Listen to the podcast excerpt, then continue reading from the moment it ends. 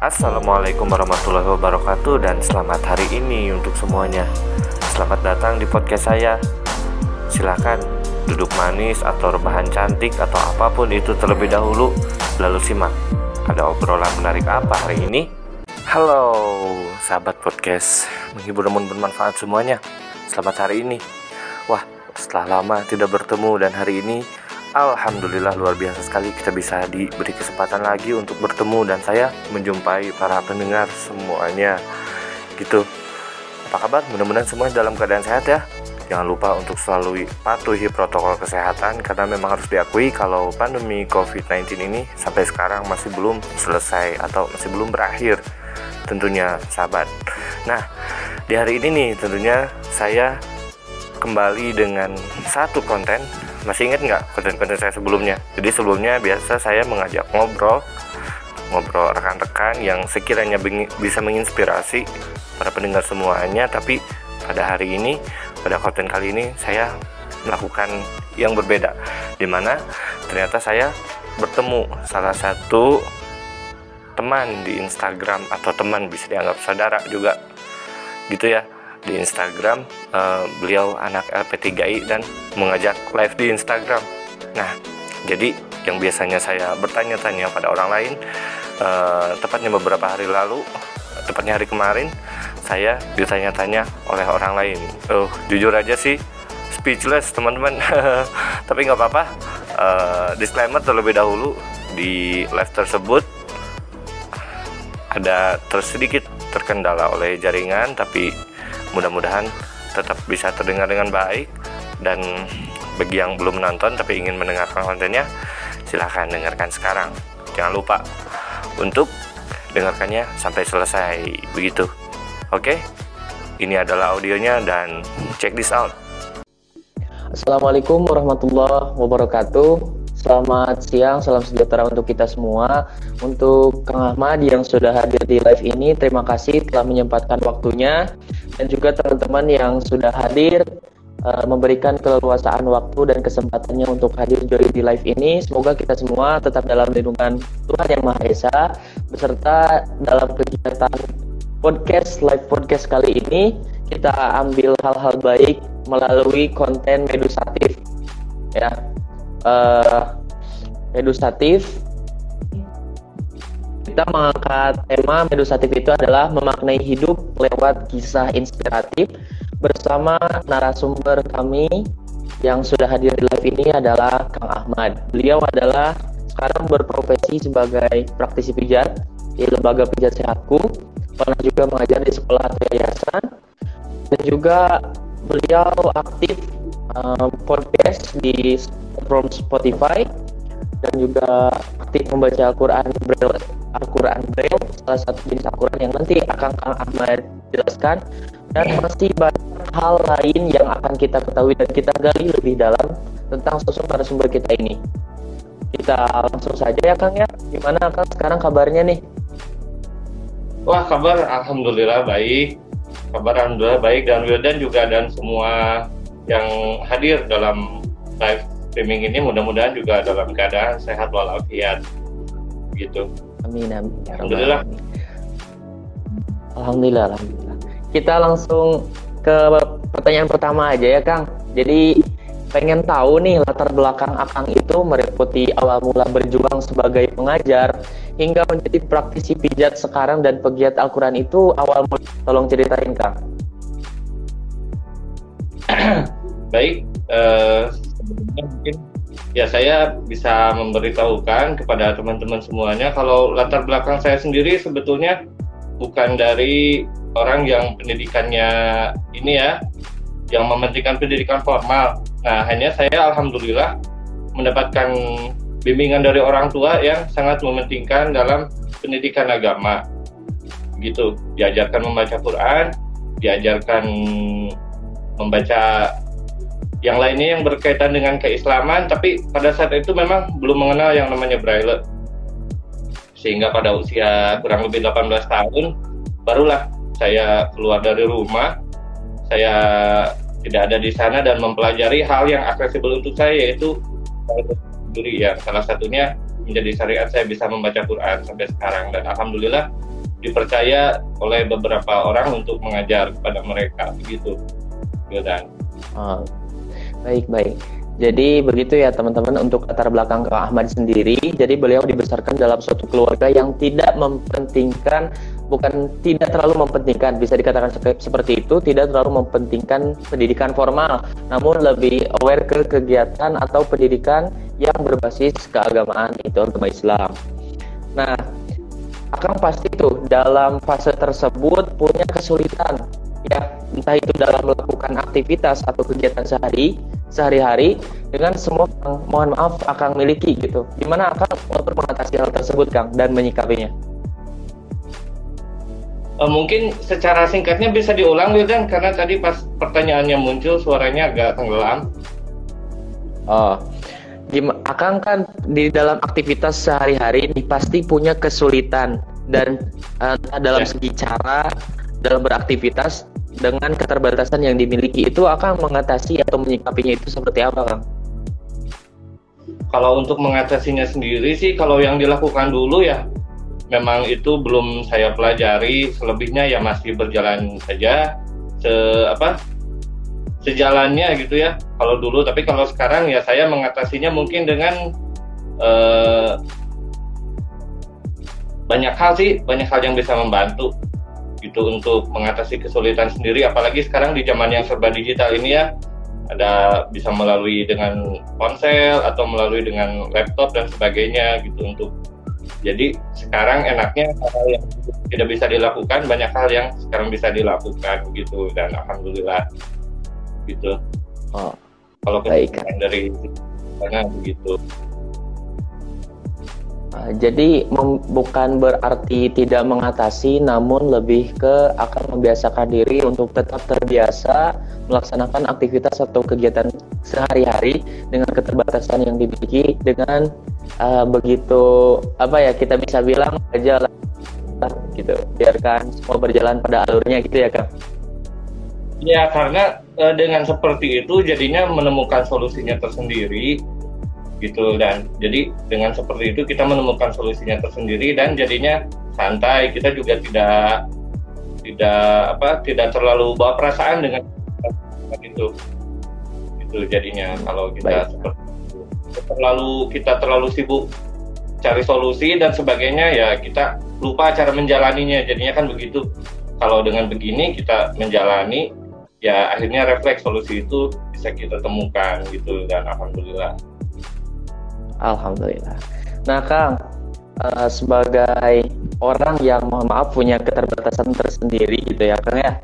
Untuk yeah. Akang nih, gimana uh, apa sih hal yang jadi motivasi buat Akang untuk tetap ngejalanin hidup dengan semangat dalam suatu kesulitan atau berbagai keterbatasan yang dimiliki gitu kan karena kami sendiri orang-orang yang bisa dibilang ya diberi keluasaan lebih oleh Tuhan Yang Maha Esa.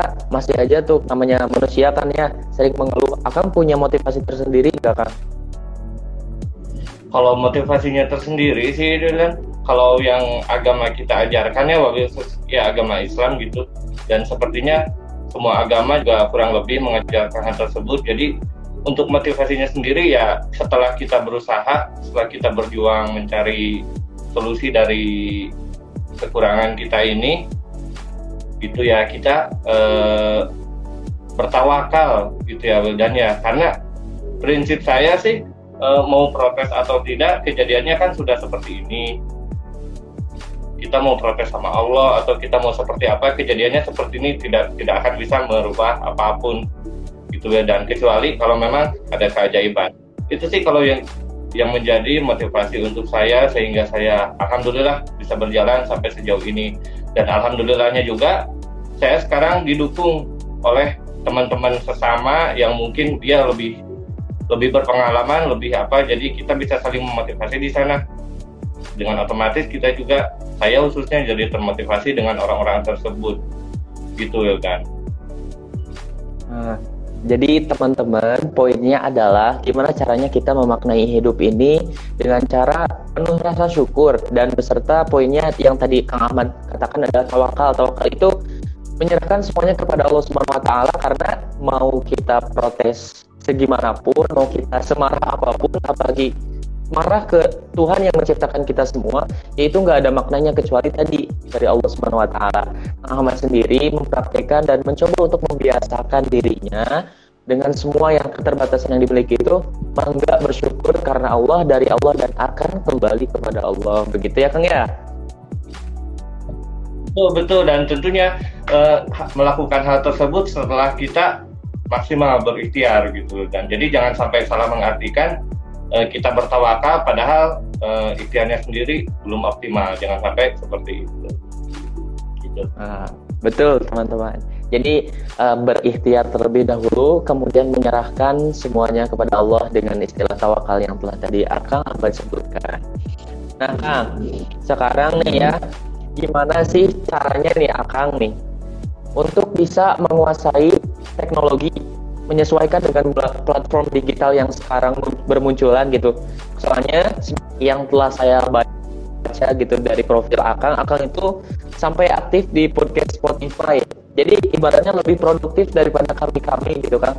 Itu Akang cara untuk belajarnya itu gimana sih Kang? kalau sebetulnya kalau masalah tersebut berawal dari hobi ya dan ya berawal dari hobi bukan hobi membuat tapi hobi mendengarkan. Apalagi sekarang jangan jangan Spotify di YouTube juga kan konten-konten podcast itu banyak gitu.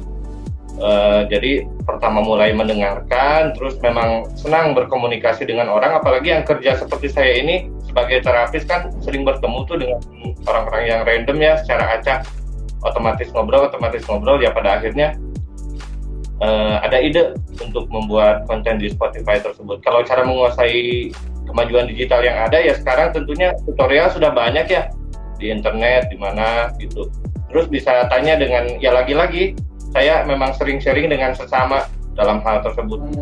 Jangankan uh, digital dalam hal yang lain juga dengan tulis sering sharing sesama gitu. Dan supaya bisa saling membantu ya. Mereka yang belum tahu yeah. saya kasih tahu saya yang belum tahu mereka kasih tahu begitu ya kan Nah, jadi teman-teman poinnya adalah bagaimana kita membuka diri kita untuk orang lain dan orang lain supaya mengerti dengan apa-apa yang telah menjadi hambatan atau kesulitan kita. Sama-sama sharing membuka diri satu sama lain sehingga bisa muncul suatu solusi atau saran entah itu berupa tanggapan ataupun masukan yang akan membantu kita untuk menjalani semua hal yang tadinya sulit menjadi lebih mudah yang tadinya belum bisa menjadi bisa. Nah Kang, di di circle pergaulan Akang sendiri nih Kang ya, mungkin uh, dengan keterbatasan teman-teman Akang juga Akang gitu yang dimiliki oleh semua teman-teman Akang, uh, itu itu untuk menjalani hari-harinya gitu Kang ya, apakah seperti uh, ibaratnya berkomunikasi aja Kang dalam segi komunikasi, bedanya dengan kami itu seperti apa sih Kang? Mungkin ada hal yang Akang dan menjadi pelajaran buat kita, hal-hal menarik atau apa pun gitu Kang kalau berkomunikasi kita tuh alhamdulillah ya dan sebetulnya ya mungkin ada karena kan secara komunikasi secara uh, apa kita bisa kan nggak ada bedanya. Paling perbedaannya sedikit ya kalau untuk kita mungkin agak apa namanya untuk beberapa orang yang terbiasa biasanya agak lebih mudah bawa perasaan gitu dan dan itu tentu saja bagi bagi orang yang sudah terbiasa dijauhkan harus dihindari. Kalau bedanya sih seperti itu saja, saya akui. Dari kalangan orang yang seperti saya itu masih ada yang mudah bawa perasaan ya dengan ucapan orang-orang. Gitu dan untuk untuk bedanya sendiri. Tapi kalau menurut saya itu bukan hal yang terlalu beda gimana karena di kalangan yang non disabilitas pun yang seperti Wildan dan teman-teman pasti aja aja kan orang yang seperti itu. Gitu dan jadi ya tidak terlalu di apa tidak terlalu dipermasalahkan begitu kan. Ya uh, ya sebenarnya kalau misalkan orang baperan itu merupakan hal umum sih ya Kang. Tidak orang tidak hanya orang orang disabilitas namun orang yang normal seperti kita aja bahkan bisa punya sifat yang lebih baperan gitu.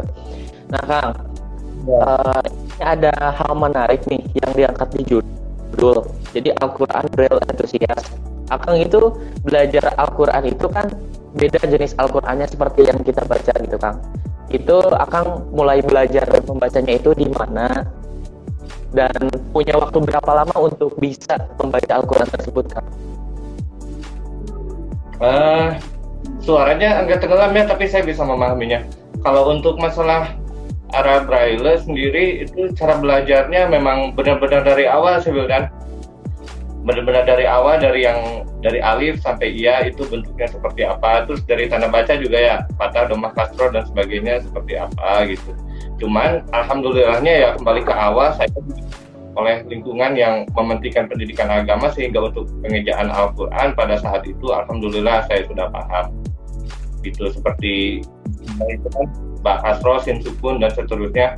Itu kan memang dari kecil sudah tahu hanya belum tahu bentukannya. Nah pas mempelajari Al-Quran Braille itu tepatnya pada usia 18 ya baru saya memahami dan untuk belajar sendiri kurang lebih setengah tahun sih sampai hatam semuanya setengah tahun dan untuk melancarkannya ya kalau itu jam terbang dan semakin kita sering membaca semakin lancar gitu. Jadi teman-teman gitu ya, Kang Ahmad itu bisa menyesuaikan seperti kita membaca Al-Qur'annya itu. Jadi bentuk Al-Qur'annya itu bukan seperti yang sudah seperti yang biasa kita baca gitu ya, Kang. Jadi lebih ke cara mertekinya gimana sih, Kang? Ya. Untuk cara Akang membaca itu prakteknya itu dalam bentuk tekstur Al-Qur'an timbul atau gimana, Kang? Jadi bentuknya itu seperti iya Al-Qur'an timbul Al-Quran timbul. Pada awalnya saya mengira itu Al-Quran Braille itu Al-Quran timbul yang bentuknya seperti huruf biasa ya, huruf-huruf timbul gitu tinggal disesuaikan ternyata beda untuk bentuknya sendiri. Ini lebih ke titik-titik bukan bergaris-garis untuk bentuknya sendiri gitu dan Oh, begitu ya Kang.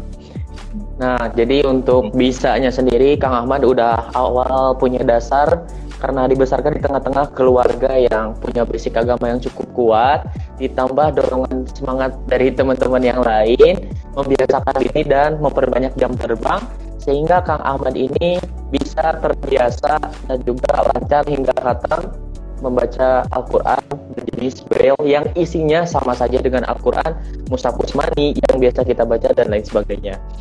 Kang, Alhamdulillah. Ini kan temanya temanya sendiri itu kan medusatif ya Kang ya? Memaknai hidup lewat kisah inspiratif gitu.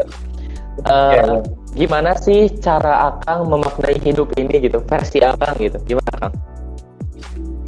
Cara saya memaknai hidup tentunya kalau saya yang saya lakuin ya uh, walaupun saya keadaan seperti ini ya merendahkan diri saya sendiri ya.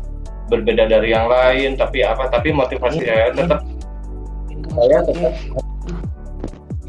bisa bermanfaat bagi orang lain walaupun bukan sesama gitu dan bisa mungkin dengan ya uh, begitu ya kawan-kawan. Jadi memaknai atau menjadikan hal-hal yang menurut kita itu bawa impact yang cukup besar ke dalam kehidupan kita menjadi hal yang bikin kita semangat atau motivasi menjalani semua hak, tanggung jawab, kewajiban kita dan lain sebagainya. Intinya kembali kepada diri kita sendiri karena percuma ketika kita diberikan semangat atau motivasi yang banyak dari orang lain namun diri kita sendiri tidak mau untuk melakukannya dan tidak punya ambisi atau ekspektasi terhadap hal-hal besar yang menjadi cita-cita atau kemauan kita semuanya akan sia-sia begitu ya Kang? Nah kurang lebih seperti itu mungkin dan betul itu juga saya selalu usahakan untuk begitu Wildan. Nah, ini kan sekarang hmm. Akang itu berprofesi sebagai praktisi pijat ya Kang ya? Untuk sekarang betul yang saya tekuni di bidang itu dan ah saya juga dengan kemajuan digital ini jadi saya juga bisa terjun ke ranah berjualan online gitu ya Masya Allah sih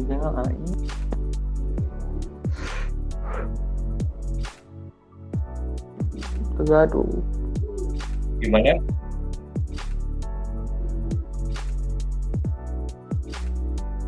Halo Kang Ahmad? Ya ya ya. Suara saya terdengar cukup baik. Tadi boleh boleh diulangi nggak Kang tadi jawabannya?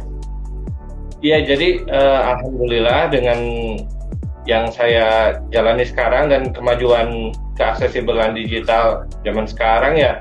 Jadi selain berprofesi sebagai terapis pijat juga uh, saya bisa terjun ke ranah berbisnis online gitu Weldan.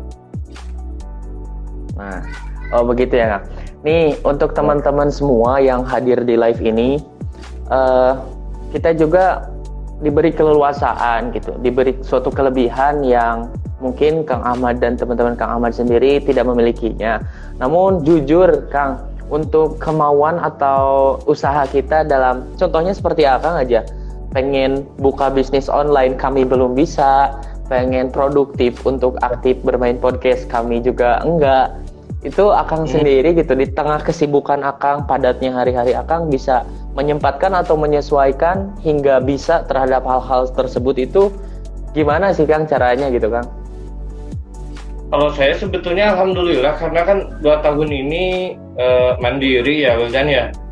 Mandiri nah sekaligus beriklan pijat juga terus memang banyak waktunya kan sambil menunggu sambil apa. Apalagi dampak yang sekarang kita alami bersama yaitu pandemi mem memaksa kita untuk lebih banyak waktu lagi untuk diam. Nah dari sanalah uh, muncul ide-ide kayak belajar belajar terjun ke ranah berjualan, terus berkonten di Spotify dan sebagainya. Itu sih mungkin makanya uh, tidak menyempatkan waktu pun banyak waktu yang luang kita bisa belajar.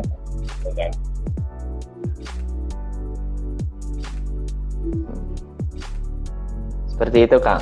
Uh, jadi kita cukup tertampar ya dekat dengan kisah Kang Ahmad di masa mulai pandemi itu sejak mungkin satu atau dua tahun lalu Kang pandemi itu. Satu. Ya pokoknya sampai lupa lagi. Lebih satu tahun yang lalu ya saya mulai kalau kalau saya usaha mandirinya udah dua tahun tapi kan kalau pandemi satu tahun. Ya jadi berkat pandemi ini ya bukan berkat ya memang hal yang uh, apa yang tetap jadi kewaspadaan tapi hal baik yang muncul ya lebih banyak belajar gitu dan tahun akhir ini gitu. Tuh jadi teman-teman ketika masa pandemi di mana semua orang hampir sebagian besar orang itu kebanyakan beraktivitas di rumah work from home. Kita kan kebanyakan nih banyak ngeluh dikasih tugas rebahan rebahan rebahan ya. Sampai nggak bisa buat jadi agen perubahan. Sedangkan Kang Ahmad di sana dengan keterbatasan yang beliau miliki ya, ya beliau ya. tetap menyesuaikan diri diri beliau dengan kondisi sekarang dengan pandemi ini. Menyesuaikan juga untuk bisa berjualan membuka marketplace online di toko uh, pijat sehatku itu sampai-sampai punya yeah. seperti itu dan punya kebiasaan untuk lebih produktif lagi. Nah, semoga ini jadi motivasi buat kita semua yang nonton live ini ya, kawan-kawan. Kang, oh, kayaknya kita apa? langsung Ya, gimana, Kang? Mm -hmm. Saya cuma ingin Ya, gimana, Kang? Menam cuma ingin menambahkan pokoknya uh, untuk teman-teman ya tetaplah tetap produktif gitu ya dengan dengan kesukaannya masing kan ada yang suka ber jualan seperti saya berkonten. Ada yang sukanya juga mungkin yang lain misalnya menulis atau ya apa pun gitu yang lainnya ya jadikanlah masa-masa sekarang ini masa-masa sulit ini menjadi justru lebih melahirkan karya-karya baru gitu untuk untuk saya untuk Wildan dan untuk semuanya gitu. Pokoknya kalau saya yang berketerbatasan aja mencoba hasil insya Allah teman-teman juga apalagi kan gitu dengan keadaan fisik yang pada umumnya insya Allah bisa lebih berhasil lagi.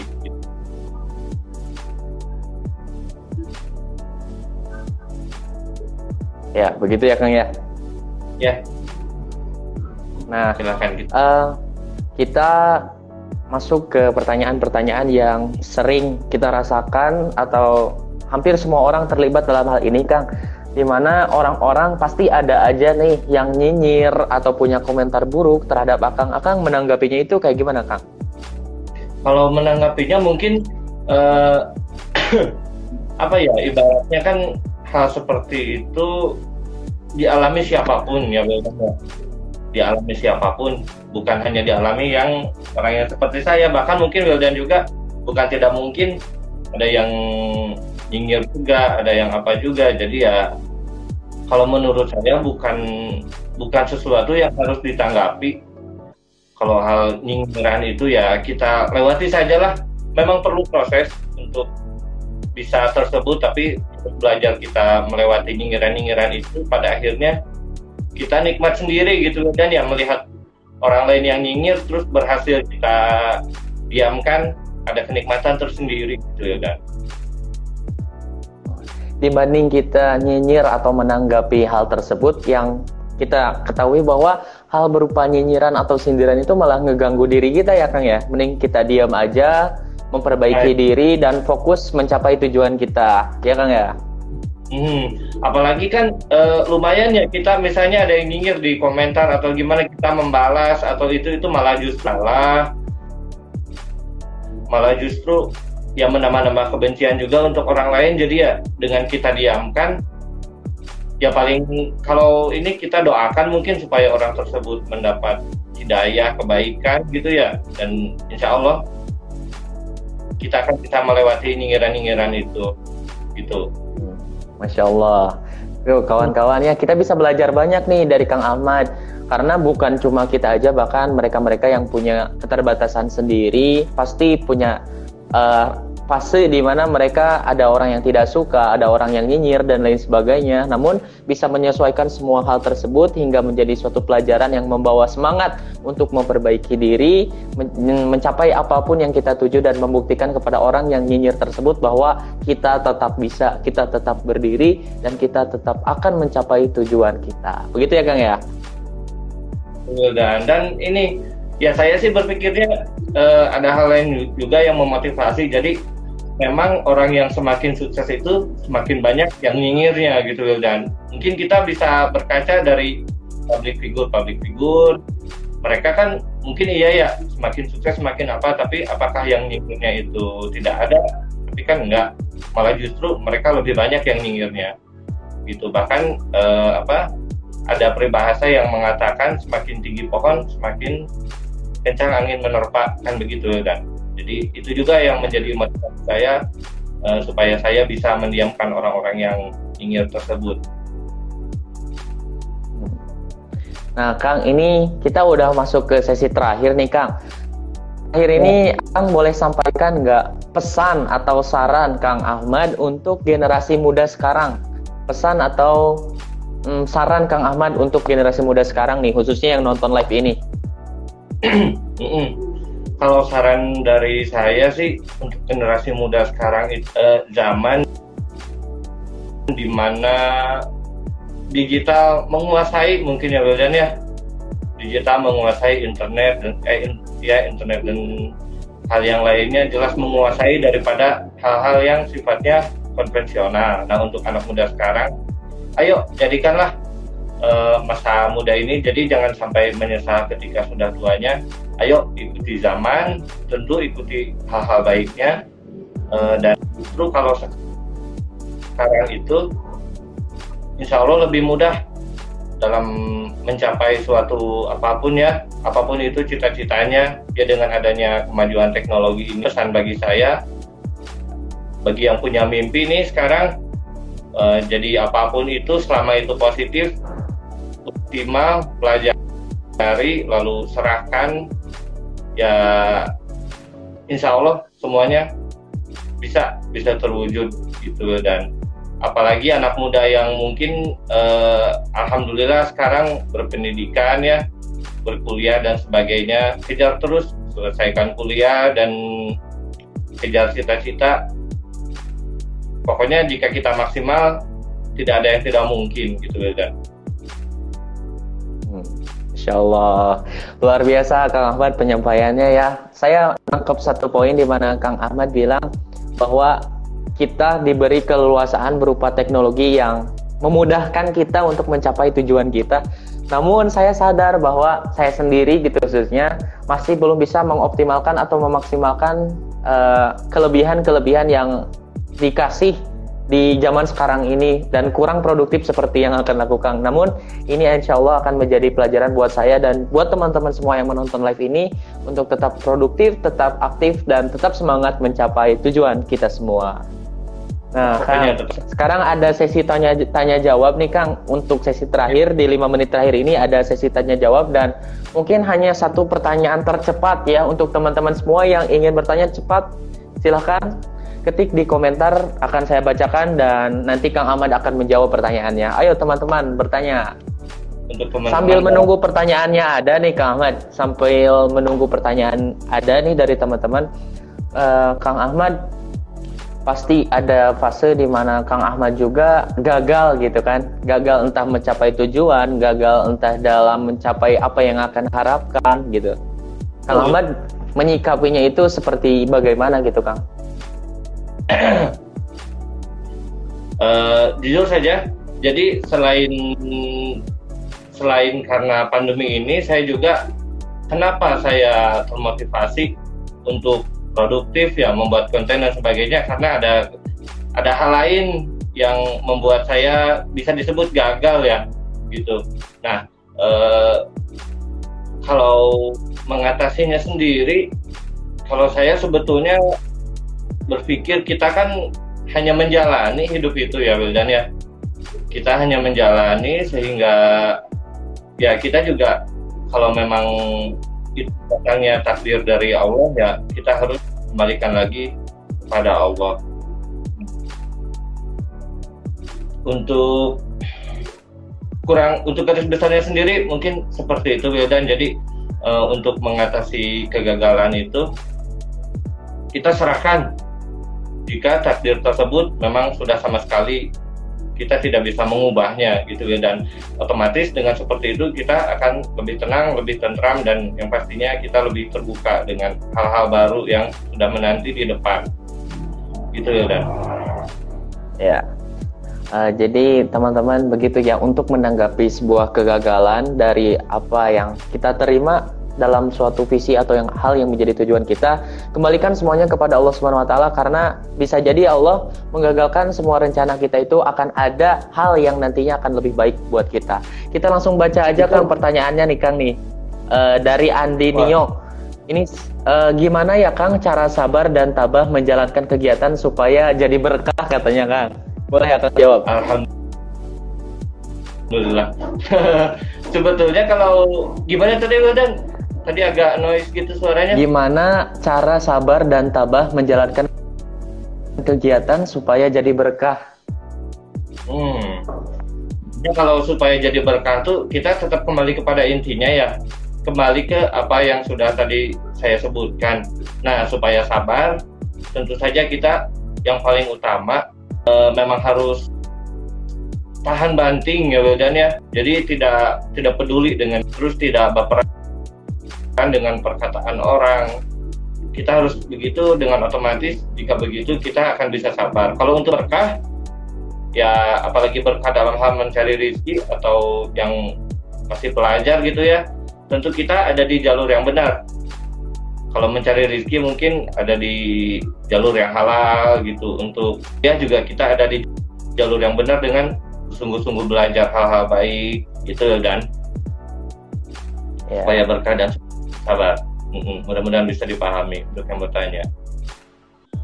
Ya jadi begitu ya Andi ya untuk menjalankan aktivitas kita menjadi lebih berkah itu dengan ikhtiar yang keras sabar yang kuat dan juga menyerahkan semuanya kepada Allah Subhanahu wa taala karena untuk kadar berkah sendiri kita diberkahi dirahmati itu kan oleh Allah. Kita hanya bisa berusaha sebaik kita untuk mencapai tujuan kita dan semuanya kita kembalikan lagi kepada Allah Subhanahu wa taala yang menciptakan kita dan mentakdirkan semua hal yang datang kepada kita.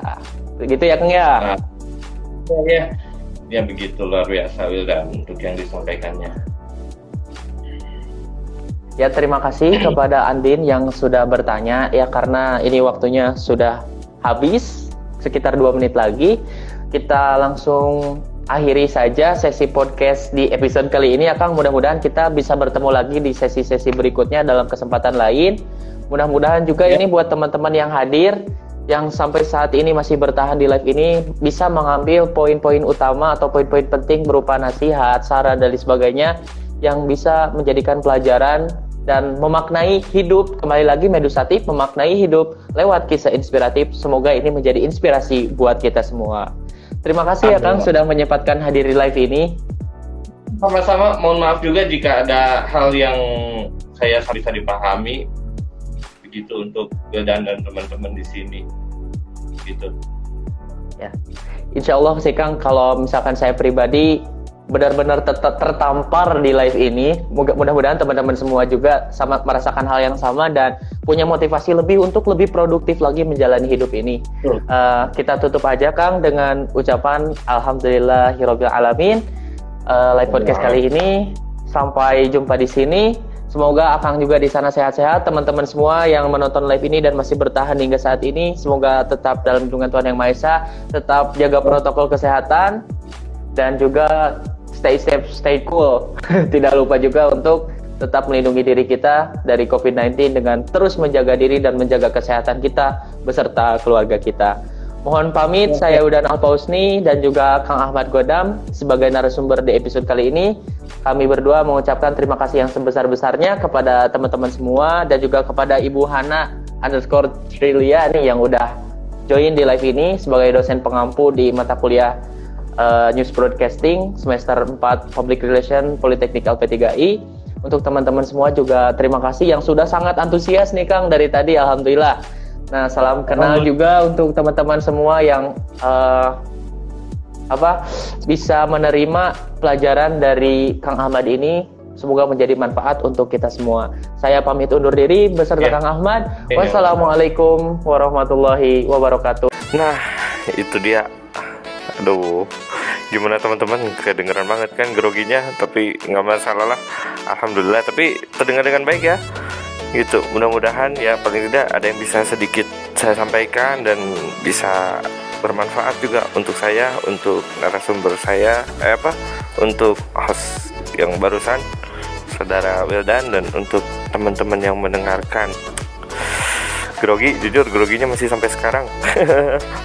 Gimana menurut teman-teman? Boleh kasih tahu kan kalau ini ya uh, apakah saya grogi atau tidaknya? Nah tapi dengan berakhirnya obrolan tersebut berakhir juga podcast episode kali ini dan mohon maaf bila ada kekurangan dan sebagainya ya. Terlebih itu mengenai noise suara yang keluar. Begitu. Sampai bertemu di episode selanjutnya doakan mudah-mudahan saya bisa hadir lagi dengan konten-konten yang lain setelah ini. Dan terima kasih. Wassalamualaikum warahmatullahi wabarakatuh